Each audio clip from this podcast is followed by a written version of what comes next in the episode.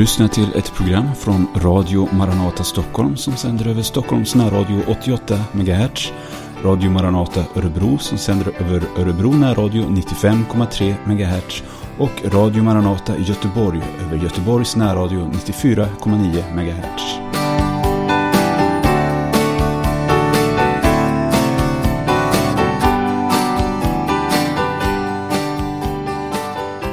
Varmt välkommen då till en timmes program med Radio Maranata. Och vi är samlade nu.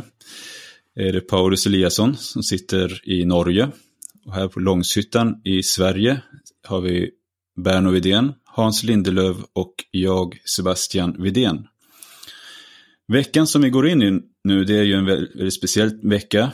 Eh, det är påskveckan och eh, det här programmet skulle vi vilja presentera lite om vad påsken betyder. Både rent historiskt och eh, vad det betyder för oss, speciellt oss som har tagit emot Jesus. För det har en väldigt central betydelse i evangelium, det som hände just vid påsken. Och jag ska låta Hans Lindelöf börja med att presentera något av den första påsken. Varsågod Hans. Ja, jag tar utgångspunkten i Matteus evangelium då, därför att eh, vi kan läsa där i 26 kapitlet eh, i, från början att Jesus sa så här till sina lärjungar då de hade varit i Jerusalem några dagar och eh, haft väldigt egentligen eh, häftiga diskussioner med skriftlärare och fariseer. Han sa så här, ni vet att det två dagar här efter är påsk. Då ska människosonen bli förrådd och utlämnad till att korsfästas. Det här var, hade han knappast uttalat så beskriver evangeliet vad som sker. Det är så att då kommer översteprästerna och folkets äldste samlas och bestämma om att Jesus måste dö påsk. Påsk skulle det bli. Det här var alltså en, en, en eh, tradition i Israel. Det var en av de tre stora högtiderna som enligt Mose eh, var väldigt allvarligt att fira. Det står i Andra Moseboks 23 kapitel. Tre gånger om året ska du hålla högtid åt mig. Det osyrade brödets högtid nämns först här. Ska du hålla i sju dagar. Det här osyrade brödets högtid, det beskrivs egentligen den första påsken som någonsin firades. Det var i, i, i andra Moseboks tolfte kapitel och det var i följd av alltså att de tio plågorna hade drabbat Egypten det var ju så att Mose fick ju uppdraget av Gud att gå till farao och säga till honom Å hebreernas Guds vägnar, släpp mitt folk. Och om han inte släppte folket så skulle då skulle det få följder. Dessa, detta var de tio plågorna. Och den sista plågan är just den som är kopplad till påskhögtiden. Och det står så här i, i Andra Moseboks tolfte kapitel att Herren talade till Mose och Aron i Egyptens land. Och han sa, denna månad ska hos er vara den främsta månaden. Den ska hos er vara den första av årets månader. Tala till Israels hela menighet och säg, på tionde dagen i denna månad ska var husfader taga sig ett lamm så att vart hushåll får ett lamm. Men om hushållet är för litet till ett lamm så ska husfadern och hans närmaste granne ta ett lamm tillsammans efter personernas antal. För vart lamm ska ni beräkna ett visst antal i mån av vad var och en äter. Ett felfritt årsgammalt lamm av hankön ska ni utvälja, av fåren eller av getterna ska ni ta det. Och så kommer det vidare här instruktioner om hur det ska tillagas och hur det ska ätas. Och eh, Det, det heter så här i elfte versen, ni ska äta det så, ni ska vara omjordade kring era länder, ha era skor på fötterna och era stavar i händerna och ni ska äta det med hast. Detta är Herrens påsk. Det skulle ätas på det viset därför att det var alltså då eh, man stod inför ett uppbrott, att bryta upp från Egypten där de hade varit så länge i århundraden.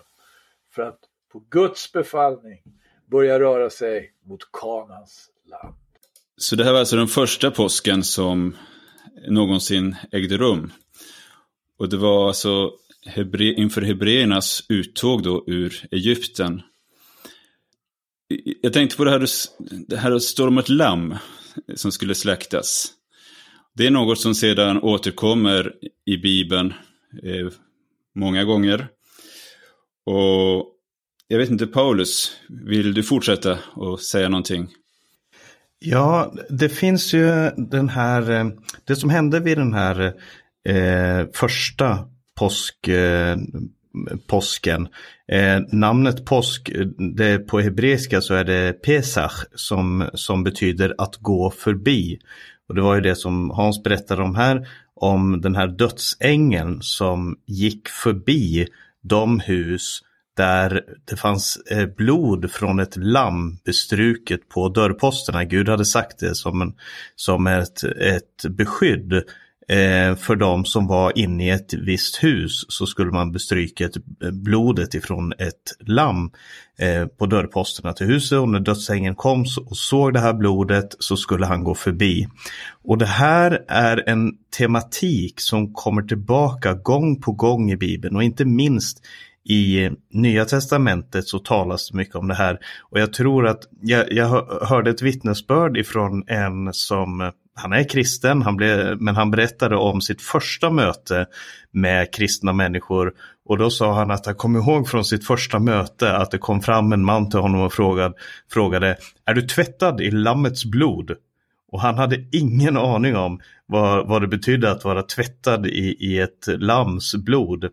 Eh, det här är lite kristen lingo men, men det är sånt som sker när man hämtar eh, sitt, Eh, sin tankevärld från saker och ting som har hänt genom århundraden, för att inte säga årtusenden.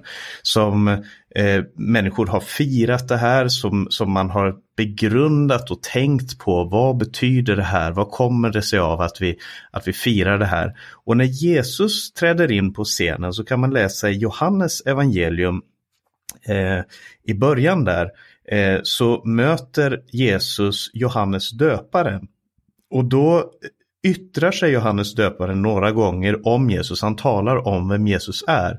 Och med en gång när Jesus kommer gående så står det att han säger Se Guds lamm som tar bort världens synd. Och det är ett intressant uttalande, det är väl, en väldigt, väldigt känd bibelvers. Men det var inte förrän nyligen som jag, kom, jag personligen kom att tänka på att det här är ju hämtat ifrån två olika gammaltestamentliga händelser. Se Guds lamm. Det tror, jag, det tror jag kommer direkt ifrån den här påskhändelsen. Eh, där ett lamm som slaktades gjorde att de som var inne i huset blev bevarade ifrån dödsängen. Det, det är den ena tanken och sen från där så gick de alltså ut ur landet. De blev frigjorda ifrån slaveriet och de kom in i, eh, på en vandring emot någonting nytt. Och det är en symbolik som jag tror att Johannes döparen tänker på i den här situationen. Jesus, han är det Guds lamm som ska slaktas. Eh, hans blod är en, besk en beskyddande kraft för de som är tillhör honom och de ska bli befriade. Men samtidigt så säger han som tar bort världens synd. Och det gjorde inte påskalammet. Påskalammet det var den som beskyddade ifrån döden för att man skulle befrias och komma ut ur slaveriet. Det var tanken med påskalammet. Det var det man firade, det var det man såg tillbaka till. Men sen fanns det någonting som instiftades när Israels folk väl hade kommit ut ur Egypten, när de hade kommit, eh, när de var vid Herrens berg och Gud eh, gav dem sina lagar och, och föreskrifter och berättade för dem hur de skulle leva för honom så föreskrev Gud en gång om året den stora försoningsdagen. Och på den här stora försoningsdagen, någonting som man skulle göra då var att man bildligt och förebildligt skulle lägga folkets synd på en bock. Och det är härifrån vi har uttrycket en syndabock, att man, att man lägger sin andras synd på en annan person. Eh, det är inte riktigt den bibliska tanken, men, men tanken här var att man skulle ta, eh, att man eh, symboliskt så skulle den här bocken bära folkets synd och man sände den ut ur lägret. Så att eh, symboliskt så handlar det om att all synden den tas bort genom den här syndabocken. Och det, jag tror att Johannes också tänker på det när han säger det här, se Guds lam som tar bort världens synd. Så han knyter både an till påsken och till den stora försoningsdagen. Och i nytestamentlig tanke så infaller, om du vill, påsken och försoningsdagen. Det är samma dag. Eh, dels när Gud frigör ett folk och dels när han förlåter deras synder. Allt det händer när Jesus hänger mellan himmel och jord och, och ropar ut det är fullbordat. Jag tycker det är en, är en tanke som är värd att ta med sig.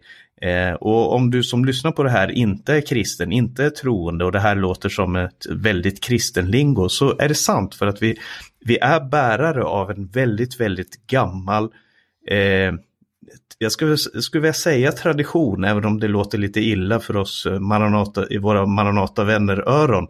Vi tycker inte att vi ska eh, ha någonting med traditioner att göra. Men, men det här är saker och ting som har gått igenom generationer, många, många generationer. En tankevärld som man har eh, Inf som man införlivas i och som Jesus var en del av, som hans samtid var en del av. Just det här att någon måste komma och bära bort min synd. Min synd som är så stor, den måste föras bort och det är vad som sker i Jesus och det är det vi firar när vi firar påsk. Hans Lindelöf, du hade någonting att säga här.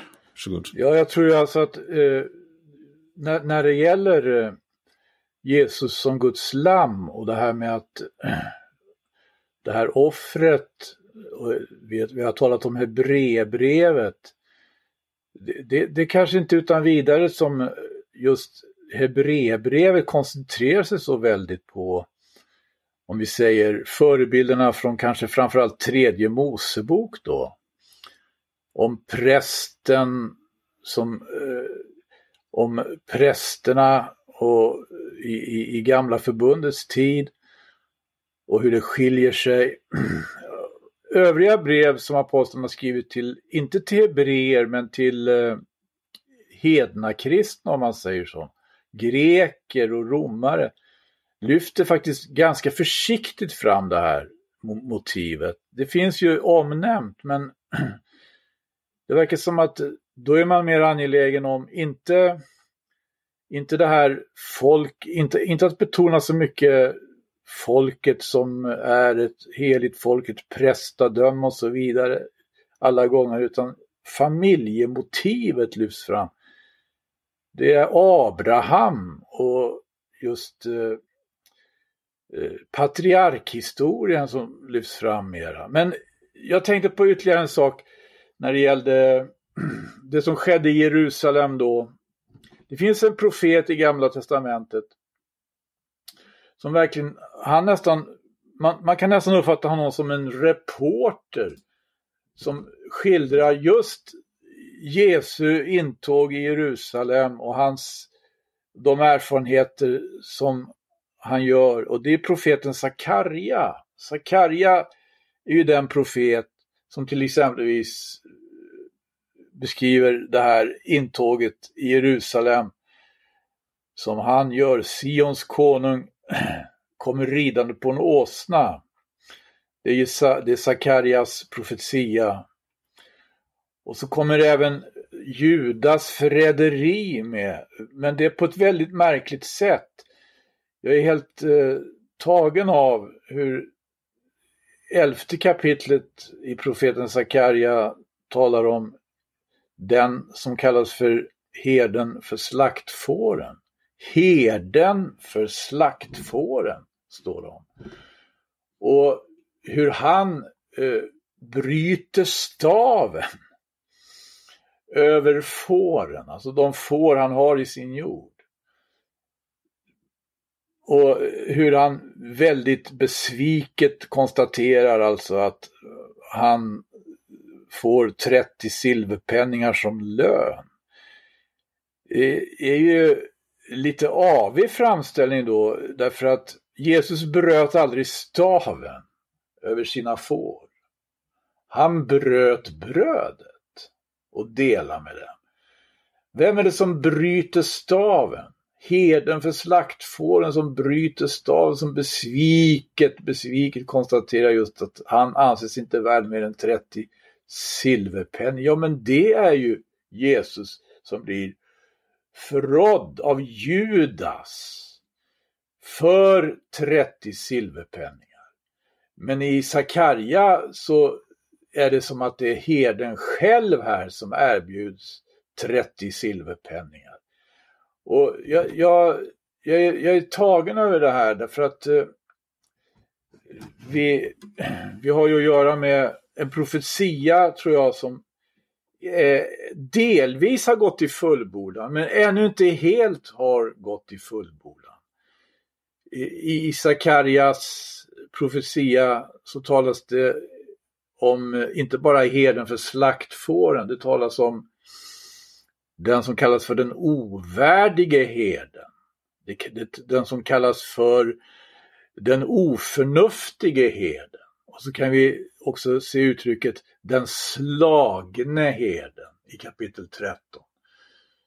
Eh, det här är tror jag någonting som väldigt allvarligt eh, just med tanke på den tid vi lever i, för Jesus har ju talat om att det ska komma herdar, man ska göra anspråk på att till och med vara Messias. Och det är väl någonting av det här som Sakarja, tror jag, är upptagen av när han skriver som han gör. Det är faktiskt inte bara den slagne herden han skriver om. Utan han skriver om de som går den slagne heden, utan tvekan Jesus. Därför Jesus själv citerar ju det ordet. När i, i Getsemane örtagård det strax kommer några som, som ska gripa Jesus. Det så han citerar Sakarja som säger jag ska slå herden och fåren ska förskingras. Men Jesus är definitivt inte den ovärdige herden. Jesus är definitivt inte eh, den, så att säga, oförnuftige herden. Jesus är inte den som bryter staven över sina får. Sådana har funnits. Sådana kommer. Men Jesus är den som bryter brödet och talar mycket påtagligt med oss konkret om just försoningens verklighet. När, när jag lyssnar till det här så, så förstår vi att budskapet så, som vi möter i Bibeln, det som handlar då om offer, försoning, vi talar om lammet, så är det ett väldigt centralt budskap. Det är som att hela Bibeln är uppbyggd kring det här och så kommer vi till crescendot, vi kommer till den absoluta mittpunkten i Bibelns budskap. Och det är just när Jesus ger sitt liv på Golgata. Han, det står om honom hur han i sin kropp upp på korsets trä bär din och min synd, ja hela mänsklighetens synd. Och, jag, och jag, då måste vi ställa oss frågan, varför är detta så viktigt? Så att hela Bibeln handlar om detta. Det handlar om offer, det handlar om synd och det handlar om att någon ska ta denna synd ifrån oss. Och på ett sätt är det här en oerhörd kamp som utspelas. En kamp som handlar om människan. Hon alltså, människan är föremålet för den här kampen. Och hela himlen agerar för att människans synd ska, den ska tas bort. Och, och en synd som ska besegras. Och då kommer vi in på det här som handlar om en strid. Och för att vinna en strid så vet vi att det gäller att ha en stark armé. Det gäller att ha duktiga soldater och en bra politik, mycket ekonomi och så vidare. Man ska ha inflytande och ha övertaget. Men här möter vi någonting helt annorlunda. Det är inte genom styrka, det är inte genom det här stora, mäktiga, utan vi möter här någonting som ser ut att vara en stor förlust. Och vi möter himmelens Gud, han som har skapat himmel och jord och allt som finns. Och vad händer? Han stiger ned hit. Han kommer inte ner då för att döma och göra rent hus, vilket han skulle ha rätt till. Att i sin rättfärdighet, i sin helighet kunna eh, göra allting så att precis utifrån ja, sin rättfärdighet. Men det står att han kommer ner hit i syndig kötts gestalt. Han kommer ner hit och blir allas tjänare. Han kommer ner och är som ingenting. Och så blir han dödad, uppspikad på ett kors. Och det är som en total förlust. Men vad vi ser här, det är att i försoningen så finns det en oerhörd kraft. Just det här att Jesus genom denna yttersta svaghet så visar det sig att därigenom så vinner han seger över alla härar, över alla ondskans andemakter och befriar människan från synden. Synden, den som plågar människan. Vi är van, vana att, att eh, katalogisera synden och säga att det är synd, det är synd. Och så sätter vi upp olika eh, saker människan gör. Men här har vi någonting långt mycket allvarligare. Människan är bunden, hon är förtappad, förlorad, har inget hopp och lever här utan Gud och utan hopp i den här världen. Men så, så kommer Gud, han sänder sin son Jesus.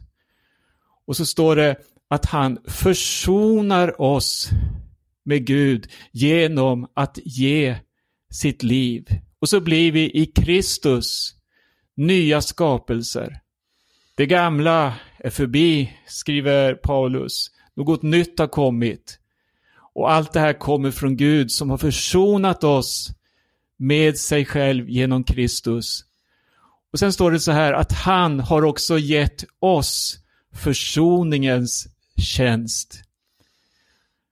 Alltså, vi är försonade. Och så har han gett oss detta budskap att nå ut till människor.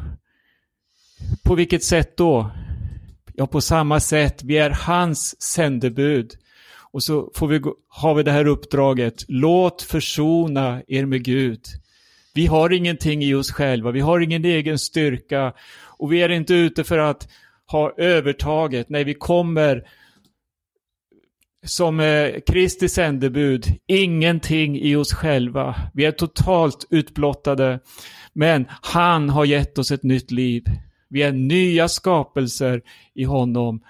Och jag skulle vilja ge en bild just eh, för att visa på vilken styrka, alltså vilken kraft det finns just i försoningen. Det finns mycket orättfärdighet och ondska, hat runt omkring på jorden.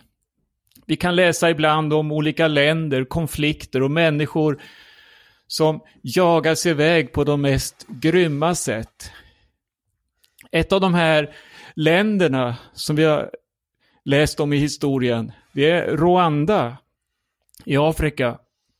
Där möter vi grymheter, utrotning, hat, rop efter rättvisa, hämnd.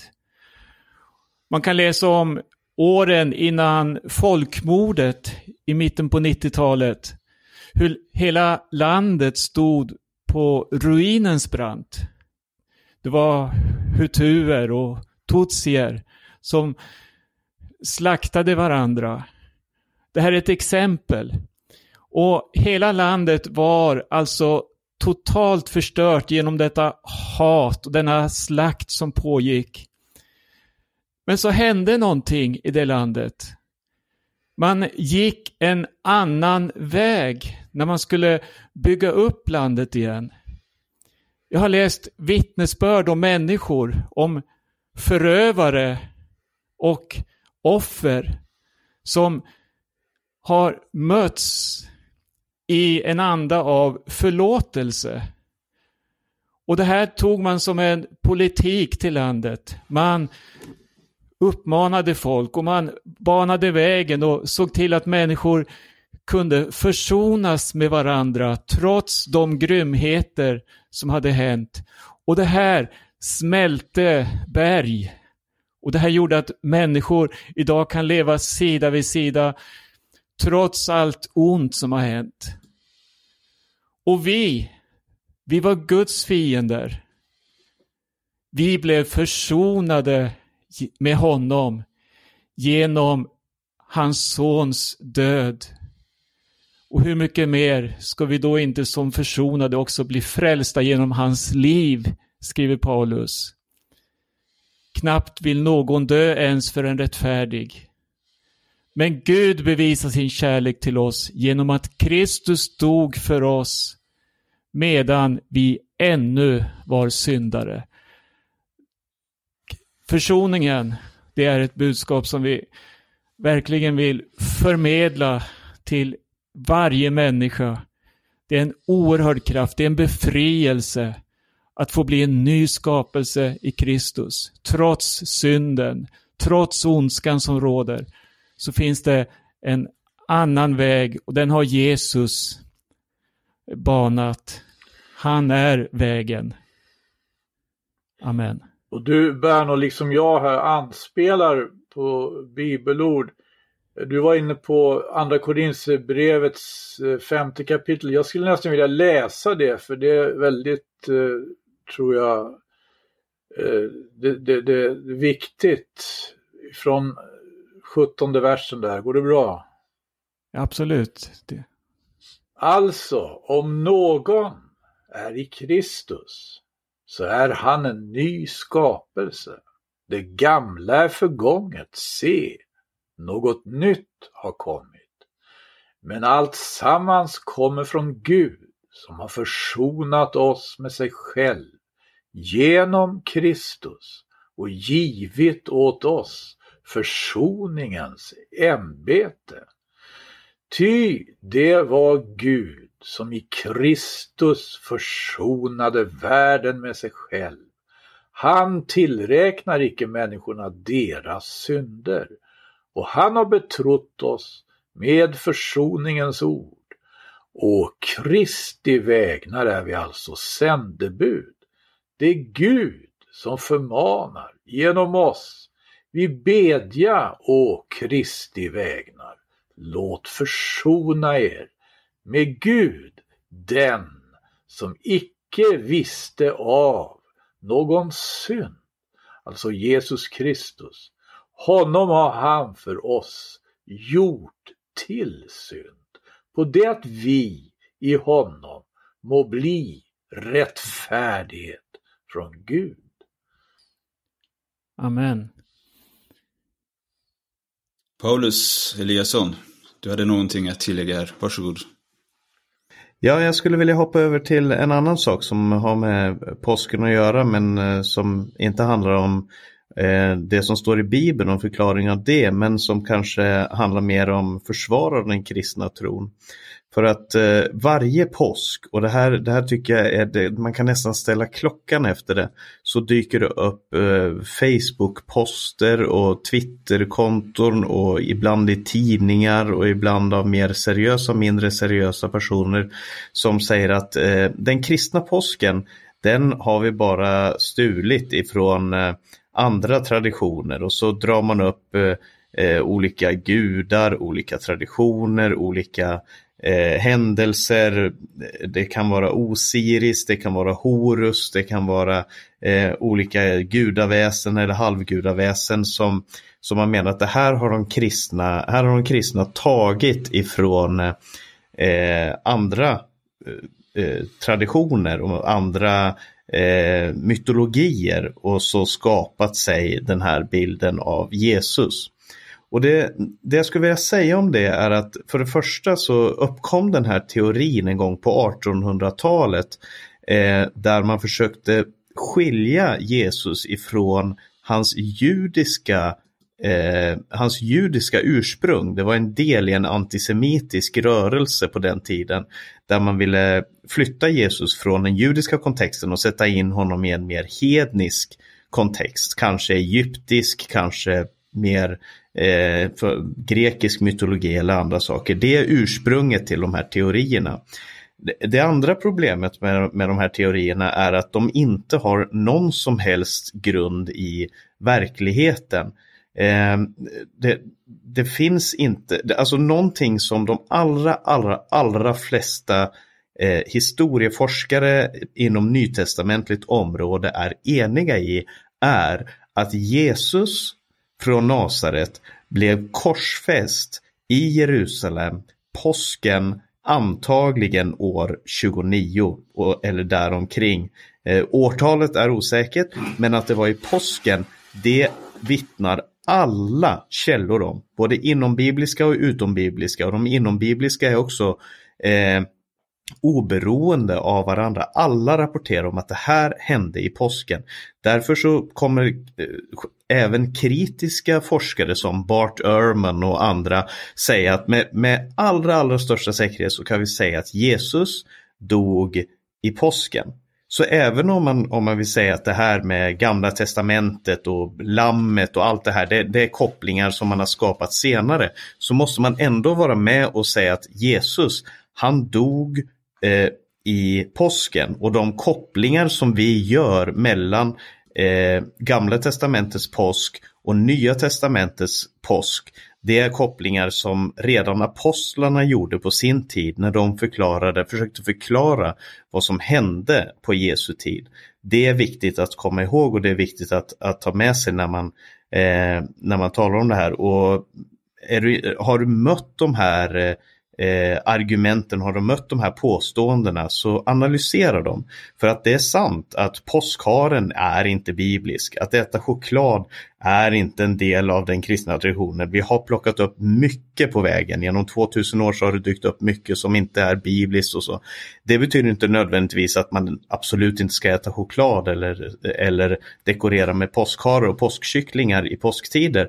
Men man får, måste skilja på vad som är det kristna budskapet i påsken och det är det tycker jag som Hans och Berno framförallt har satt fokus på här om Jesu försoningsstöd, hans uppståndelse och inbjudan att bli en del av det här nya livet tillsammans med honom. Döden har tappat sitt välde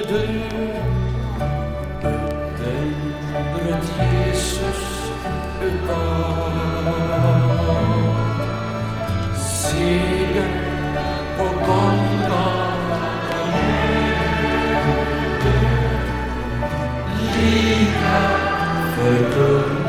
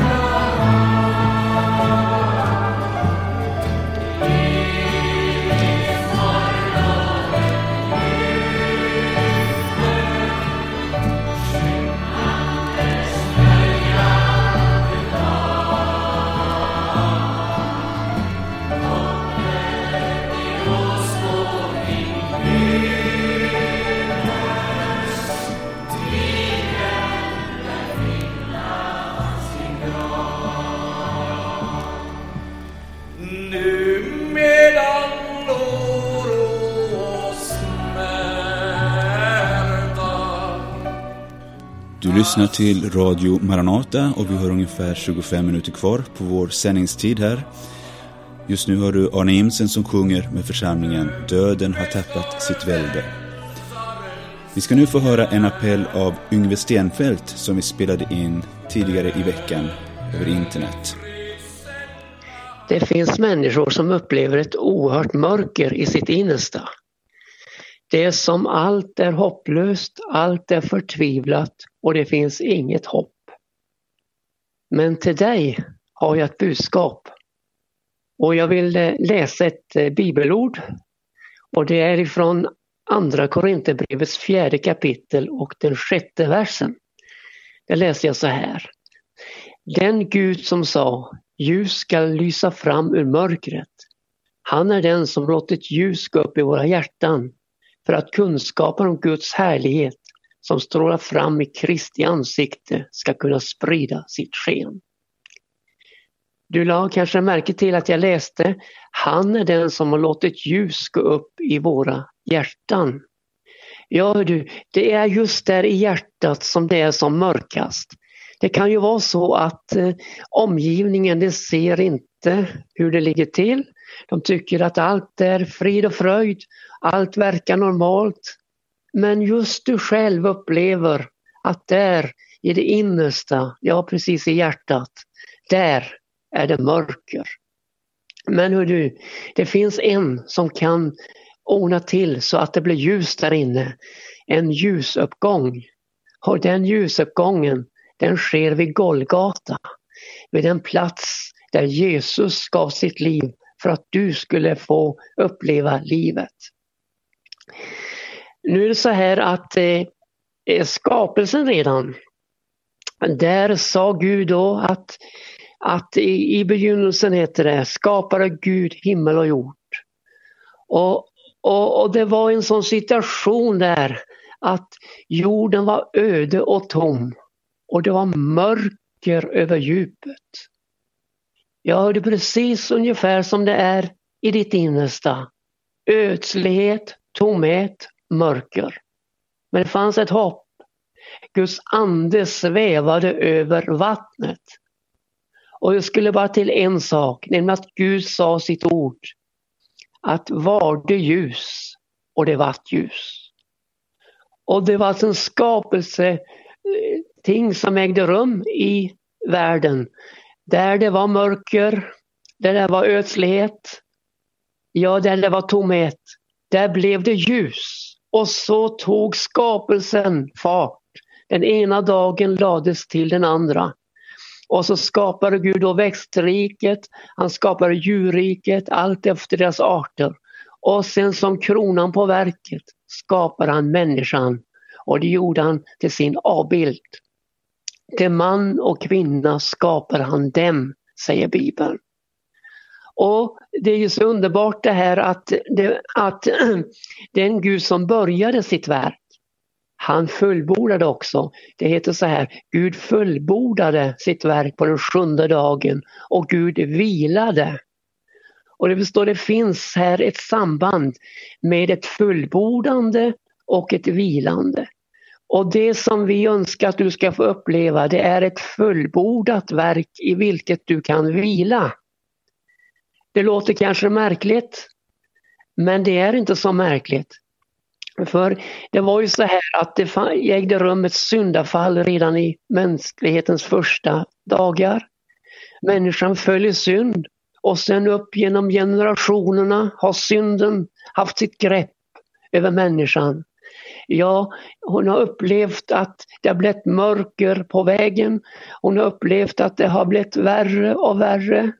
Och det har blivit det ena med det andra som synden har fört med sig.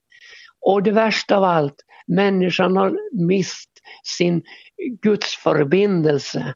Hon har upp, mist gemenskapen med Gud. Hon, hon är avsaknad av härligheten från Gud. Och det är där du sitter, du saknar just det här.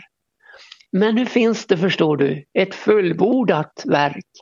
Och nu kommer vi in då på det som hände på Golgata.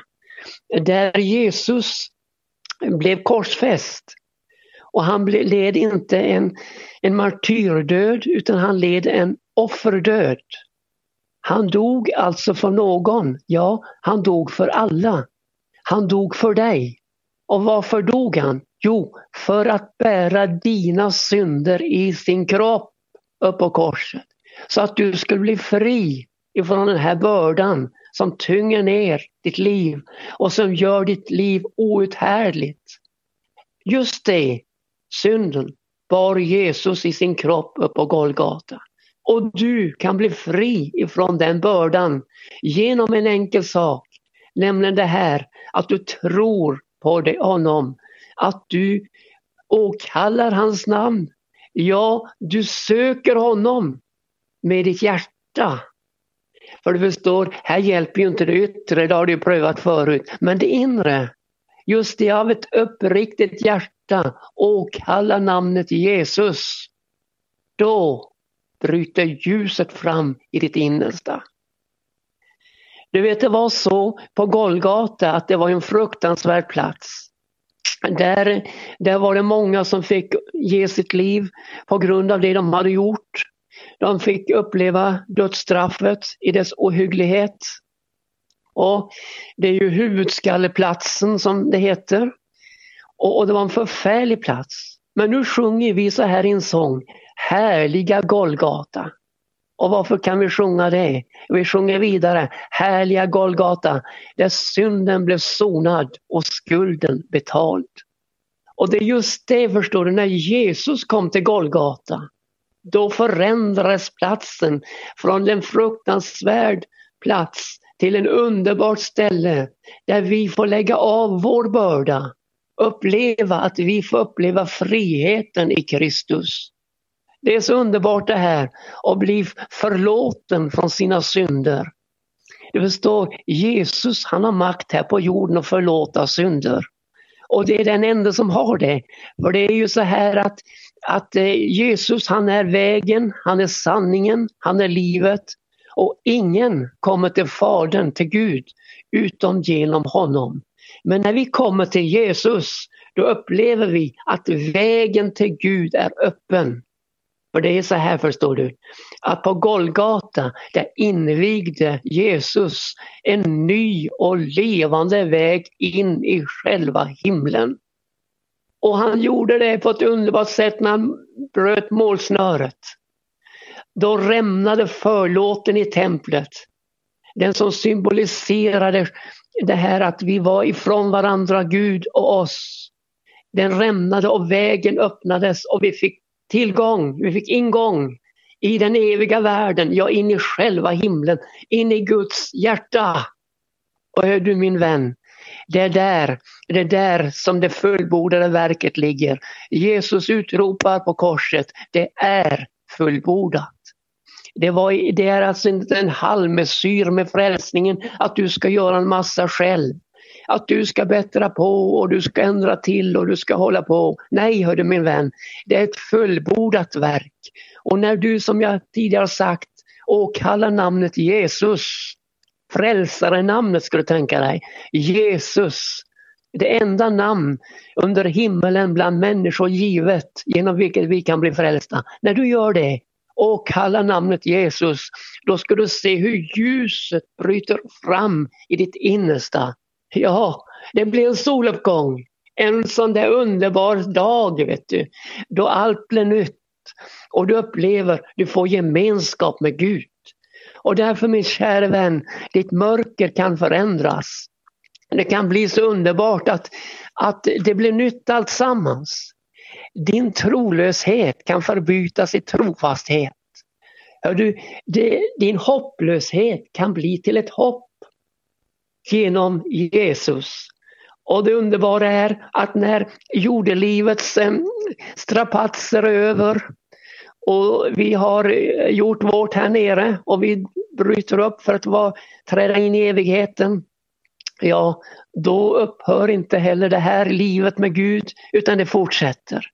Och det är det eviga livet med Gud, en gemenskap i himlens härliga land. Men man kan också, om man inte tar emot, fortsätta, förstår du, och leva i mörker och i denna förtvivlan och denna hopplöshet. Och, och det önskar jag inte för dig min vän, utan tvärt emot. Gör omvänd dig. Låt Jesus se ditt ansikte, inte din ryggtavla att du flyr bort ifrån honom, med ditt ansikte, att du vänder dig till honom och upplever då att han, ja han har gått dig i möte och det blir ett underbart möte, ett underbart sammanträffande med förvandlande kraft. Du ska veta en sak, Jesu Guds sons blod renar från all synd.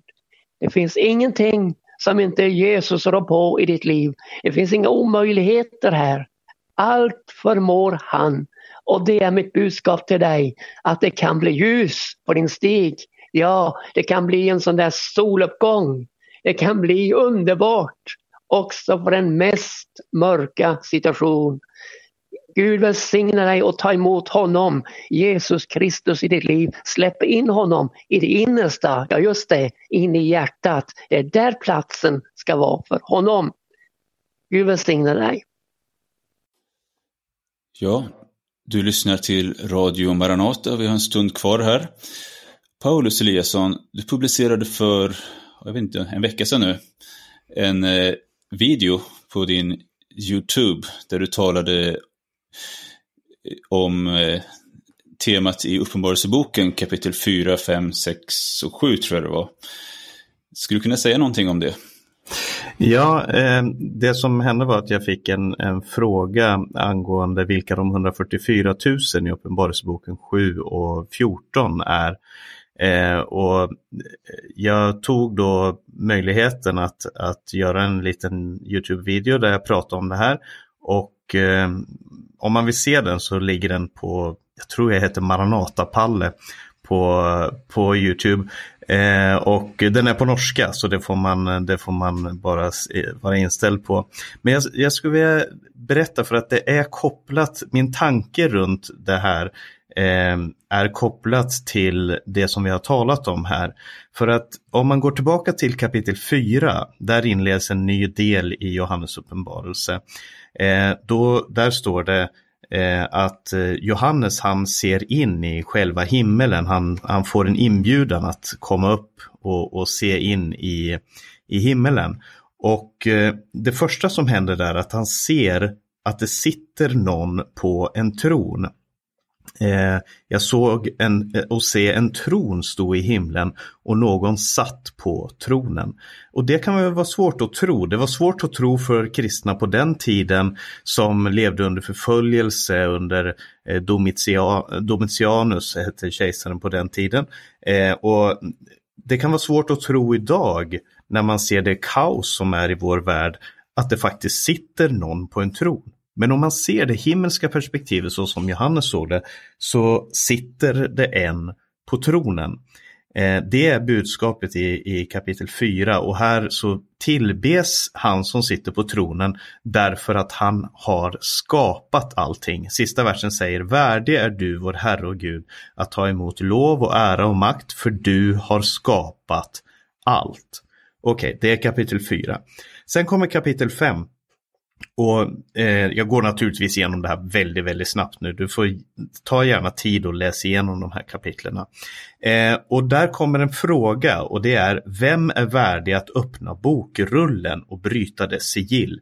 Man presenteras för en bokrulle som står som en representant eh, som, som representerar den som har möjlighet att friköpa världen, eh, människor ifrån eh, till Gud. Alltså vem har möjlighet att befria människor från den situation som de är i? Det är ett köpebrev som eh, gäller eh, Guds folk. Och det är ingen, visade sig, som är värdig att öppna den här bokrullen. Det är ingen som har möjlighet att göra någonting med människans situation. Eh, och jag hoppar lite här fram och tillbaka mellan att eh, säga hur Johannes uppenbarelse säger det och hur jag tolkar den här texten eller hur, hur vi skulle ha sagt det med våra ord. Och, men så, säger, eh, så kommer det en man fram till Johannes för han börjar gråta för att det inte är någon som är värdig. Han, han ser att allting är hopplöst. Eh, och då, men då kommer det en fram till honom och säger Gråt inte, För se lejonet av Judas stam, Davids rotskott, har segrat. Han kan öppna bokrullen och dess sju sigill. Alltså det finns ett lejon ett rotskott. Och här dras paralleller till första Mosebok, till Jesaja, eh, profetior om eh, det här lejonet ur Judas stam, kungen som ska komma, han som ska regera, han som ska härska. Eh, och Davids rotskott, det är kung David, det är hans son då som man väntar på, det är han som ska regera över världen. Och man, man, man fylls av en förväntan, men Johannes har än så länge bara hört det här. För det står att en av de äldste sa till mig, gråt inte, se lejonet av Judas stam, Davids roskott har segrat. Han hör det här och, och, jag kan tänka mig att i den situationen så, så, så, är han full av förväntan att få se det här lejonet som ska träda fram. Men så står det, och jag såg, i mitten mellan tronen och de fyra varelserna och de äldste stod ett lamm som såg ut att ha blivit slaktat. Och vilket antiklimax på ett sätt för oss som är välbekanta med Bibeln så kanske det här inte låter som det, men jag tror att för den som läste det här första gången eller som inte var van vid det här så måste det här, men vart är lejonet? Vart är lejonet? Ett lamm som har blivit slaktat. Och jag tror att i mångt och mycket så var det det människor upplevde när de såg Jesus, när de hörde budskapet om Jesus. Talet om korset, säger aposteln Paulus, det är en dårskap för de som går förlorade.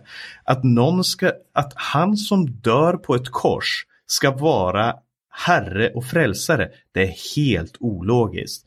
Men Eh, I den här texten så presenteras det här på ett apokalyptiskt sätt där han eh, förklarar eh, det här lejonet är lammet. Lammet som är slaktat. Och då när han då tar bokrullen, när han är värdig att ta bokrullen, då faller alla människor, då faller de här himmelska väsendena ner och de ropar du är värdig att ta bokrullen och bryta dess sigill, för du har blivit slaktad och med ditt blod har du friköpt människor åt Gud av alla stammar och språk och länder och folk. Och, och det här, eh, här kommer en ny sång som säger Lammet som blev slaktat är värdigt att ta emot makten, rikedomen, visheten, kraften, äran, härligheten och lovsången. Det här är det kristna budskapet. Det här är evangeliet att han som sitter på tronen, Fadern, och sonen, som i den här terminologin är lammet, de är värdiga att eh, eh ta emot lovsång, tillbedjan och allt som är. Och sen i kapitel 6 så kommer den här stora frågan, men vad ska ske med alla de orättfärdiga? Vad händer med alla de som är eh, som inte vill tillbe lammet, de som lever i synd, de som lever i ondska, eh, de som lever i uppror mot Gud. Hur ska lammet kunna, ta, kunna behandla dem? Hur ska lammet kunna göra någonting med dem? Och då kommer eh, budskapet att det här lammet bryter de här sigillen och för varje sigill så kommer det en dom över jorden, över människors ondska. Eh, och, och till slut så står det att människor gömmer sig och säger eh, gömmer sig i bergen och ropar fall över oss och göm oss för honom som sitter på tronen och för lammets vrede. Så här, här är lammets vrede som går över jorden. Och då kommer frågan igen, då kommer ännu en fråga som besvaras i kapitel 7. Och den frågan är, vem kan då bestå? Vredens stora dag har kommit och vem kan då bestå? Eh, och det svaret, svaret på den frågan det får vi i kapitel 7 och det är där vi möter de 144 000. Och när jag svarade på den här frågan på Youtube så, så var det en del som blev lite överraskade över att jag inte satte sånt stort fokus på de 144 000 och det är helt sant. För att jag tror inte att det är de som är det stora och viktiga. Precis som lejonet, det är sant, Jesus är lejonet och han är lammet. Så de 144 000 som nämns i Uppenbarelsebokens sjunde kapitel, eh, där står det om, om 12 000 från varje av Judas stam och det är 12 stam, äh, eh, Israels stammar. Eh, och det är 12 stammar och därför så 12 000 eh, gånger 12 det är 144 000. Eh, och de, Johannes han får höra, ännu en gång höra antalet av dem som har eh, blivit de som är utvalda, de som har fått Guds sigill. Eh, och det är 12 000 från Judas stam, 12 000 från Rubens stam och så vidare och så vidare. Eh, så det här är liksom det man förväntade sig i Gamla Testamentet. Det skulle komma det här lejonet ur Judas stam som skulle frigöra en sista rest av Israels folk. Och det är sant att Gud ska frigöra en rest av Israels folk, men det är inte det stora. Det stora är det som händer i vers 9, för därefter såg jag och han ser aldrig de 144 000 i det här sammanhanget. Men i vers 9 så står det därefter såg jag och se en stor skara som ingen kunde räkna av alla folk och stammar och länder och språk som står inför tronen och inför lammet klädda i vita kläder och med palmblad i sina händer och de ropade med stark röst Frälsningen tillhör vår Gud som sitter på tronen och lammet. Och det är frälsningens mål, det är påskens mål. Det är målet för det som hände när Jesus hängde mellan himmel och jord. Det är målet för uppståndelsen. Det är en frälst skara som står inför Guds och Lammets tron och ropar ut sin tillbedjan, lovsången, härligheten, visheten, tacksägelsen, äran, makten och kraften tillhör vår Gud i evigheters evigheter. Det är en fantastisk presentation av evangeliet i de här kapitlerna och jag skulle vilja uppmana dig som lyssnar att läs igenom det här, läs igenom det med en ny blick. Jag säger inte att min tolkning är den perfekta, är den absolut enda sättet som det här kan tolkas på. Men, men jag tycker att det sätter sånt fokus på vår frälsare och Herre Jesus Kristus och det underbara verket som han har gjort för alla de som tror på honom. Och det är eh, det som är den stora frågan till syvende och sist. Var står du på den dagen? Är du en del av den stora vita skara som ska prisa Gud i all evighet. Jag hoppas och tror och ber att många av Radio Maranatas lyssnare ska komma till Gud och få uppleva den här frälsningen. Amen. Är det någon där ute? Kom och lyssna på min sång. Jag önskar, jag önskar att du förstod hans härlighet.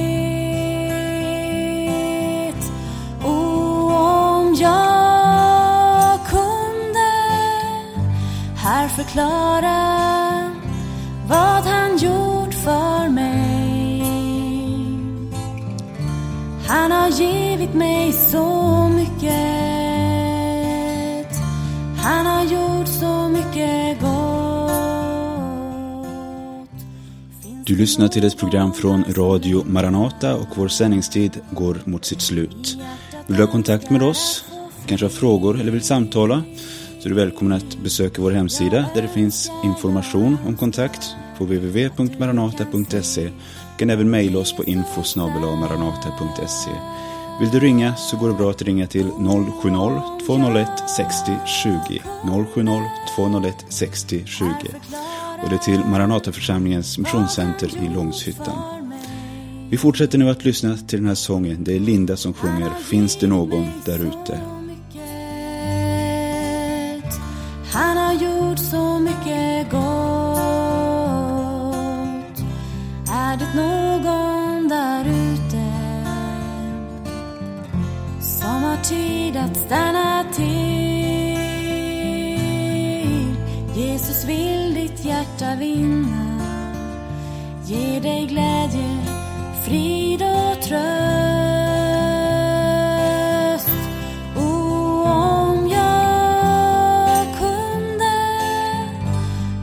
Förklara vad han gjort för mig. Han har givit mig så mycket. Han har gjort så mycket gott